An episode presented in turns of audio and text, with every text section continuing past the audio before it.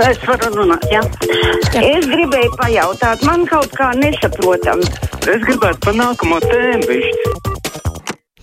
6722, 888, 672, 559, ir tāruņa numuri mūsu studijā. Varat mums arī rakstīt, sūtot ziņu. No mūsu mājaslapas Silva raksta gāzi vajag taupīt, bet šodien Rīgā pat nesiltinātos daudz dzīvokļu namos karsē tā, ka visu laiku ir plus 22, 23 grādi. Nu, kā to var pieļaut krīzes laikā? Jānoregulē tā, ka temperatūra nav lielāka par 19, 20 grādiem. Nu, neviens nenosals, jāsāk domāt ar galvu un taupīt, tā Silva raksta. Celšu klausulu. Brīvais mikrofons. Labdien! Labdien! Brīvais mikrofons. Pilnīgs klusums. Lieku nost klausuli. Viesturs raksta, janvārī raidījumā jūs spriedāt, kas varētu pēc Covid atkal apvienot sašķelto sabiedrību. Nu, re, ir atbilde. Latvija ir atkal vienota, nav vienaldzīgo, kas nepārdzīvotu notikušo Ukrainā. Nu, jā, tajā pašā laikā ir tādi Latvijas iedzīvotāji, kur ir sajūsmā par notiekošo Ukrainā, diemžēl. Klausītājs zvana, brīvais mikrofons. Labdien! Labdien! Es gribētu, ja jūs man dot mazliet laika parunāt.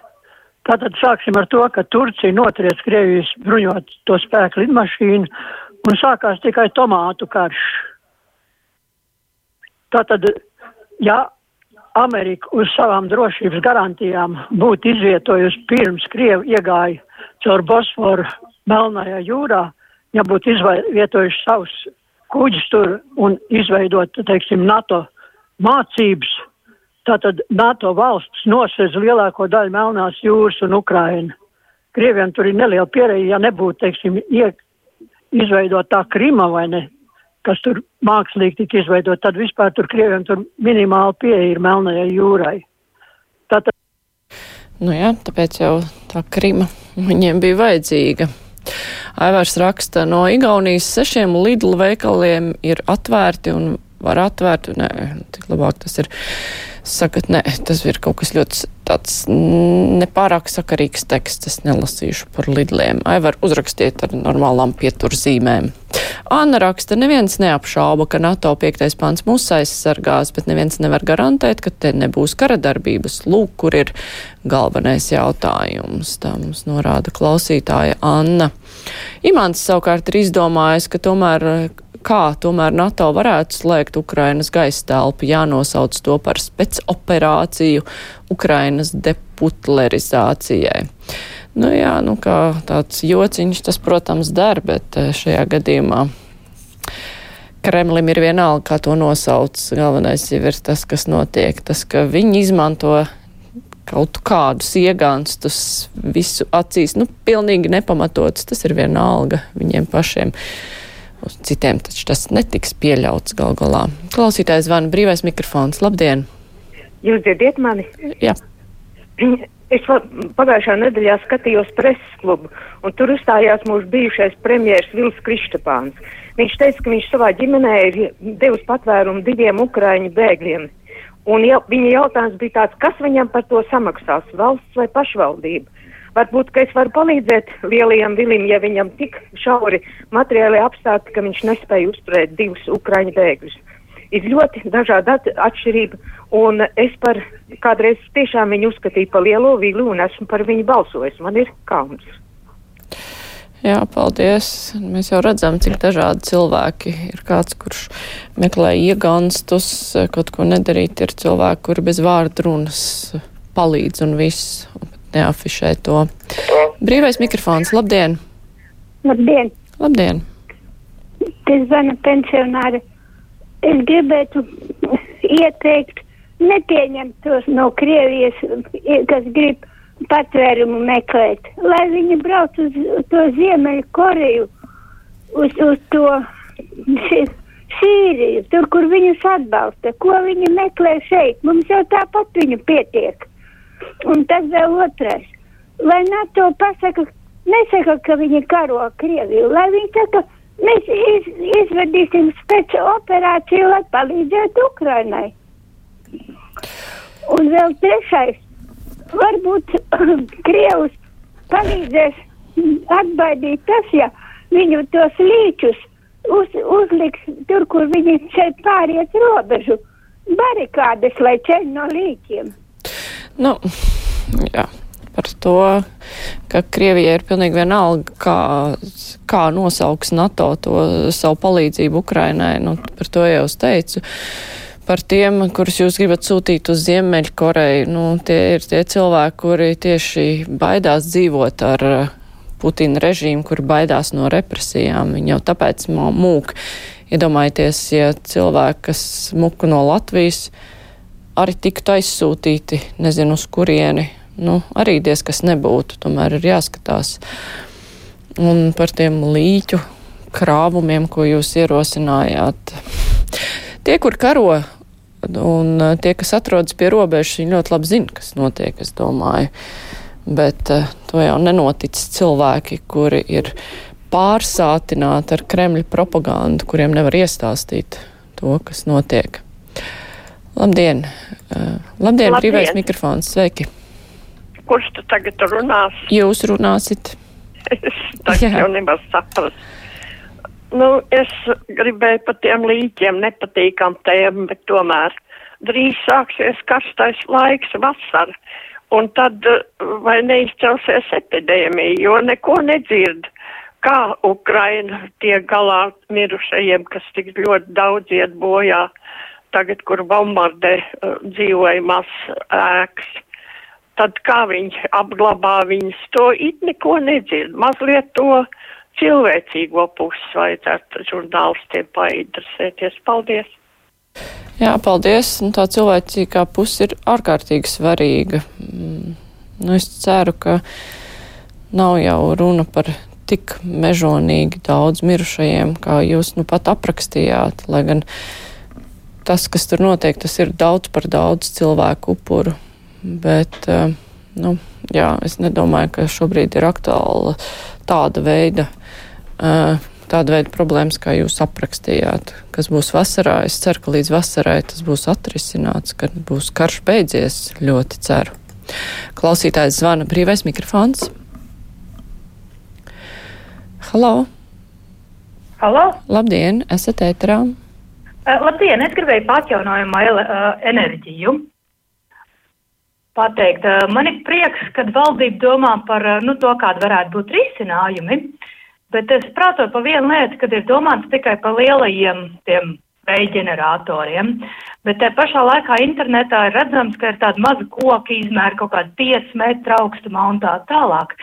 Un tad es gribēju rosināt, ka varētu domāt, nu, ka ir citas lietas, nevis tie lielie monstri, pret ko visai Latvijai, nu, daudziem iedzīvotājiem nav liels patiks, bet ka varētu kaut ko mazāk taisīt un ka pat varbūt vairāk iedzīvotāji pat gribētu uz savus zemes tāds likt, nevis tāds liels, liels monstrs, bet kaut ko mazāku. Un ka par to tādu arī vajadzētu domāt. Jā, paldies par ideju. Interesanti. Nu, kādreiz jau bija saimniecībās arī tādi veidi darbināti ģeneratori. Bet, nu, jā, tas, protams, bija kaut kādas vecmodīgas tehnoloģijas, noteikti ir kādas jaunākas.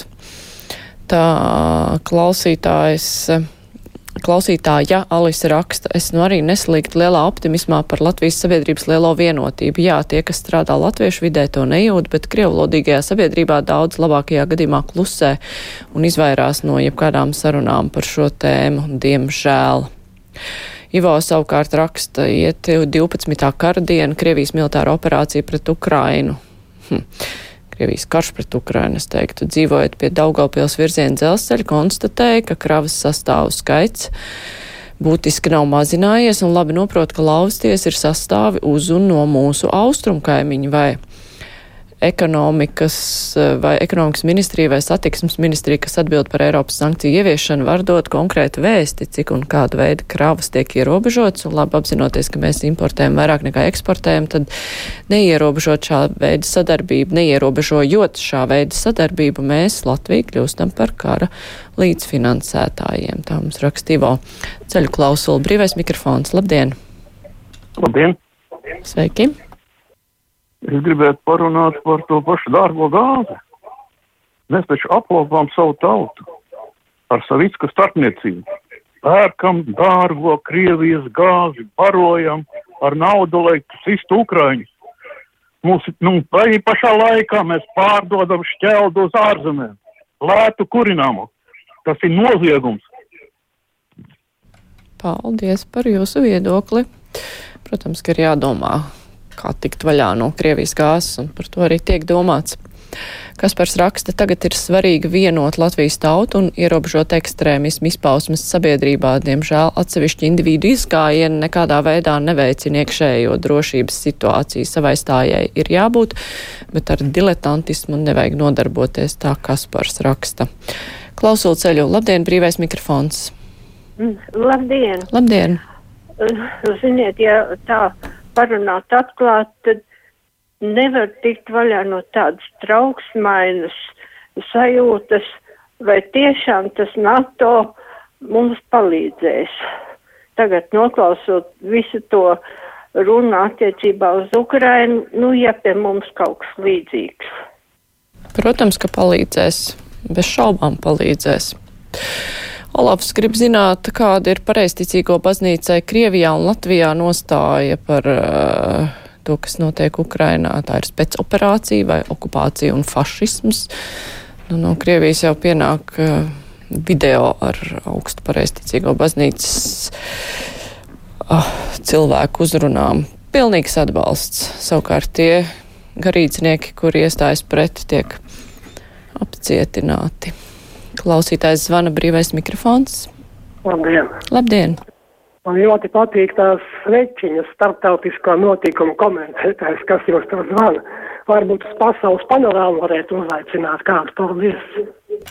Paldies! Jūs tad nekomentējāt, tikai večiņas komentējāt. Hmm.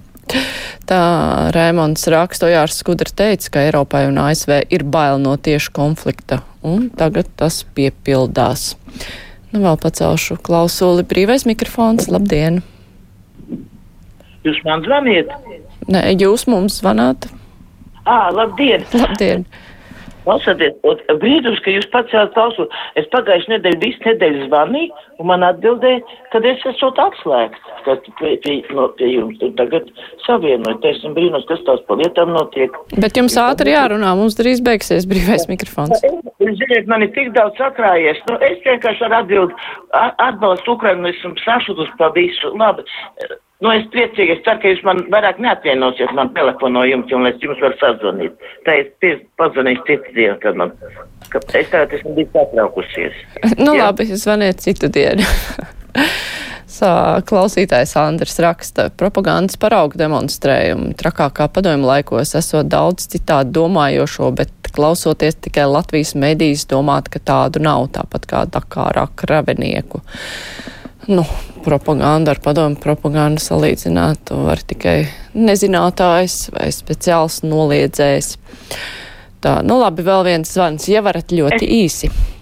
Es, halo, es, es esmu veterāns. Jā, un ļoti ātri jārunā. Nu, es ļoti jūtu līdzi Ukrainai, jā, bet man ļoti žēl ir par Latvijas krieviem, jā, tā ka Tatjana Ždanuka, viņa izteica, nu, kā teikt, piekrīt Ukraina, fuj, Putina idejām, jā, un, un kurina naidu starp latviešiem un krieviem. Man ļoti žēl, ka daudzi tādi cilvēki Latvijā ir.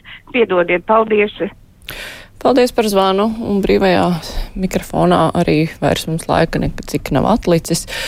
Tad nu tagad būs ziņas, un pēc tam mēs runāsim par civilo aizsardzību Latvijā.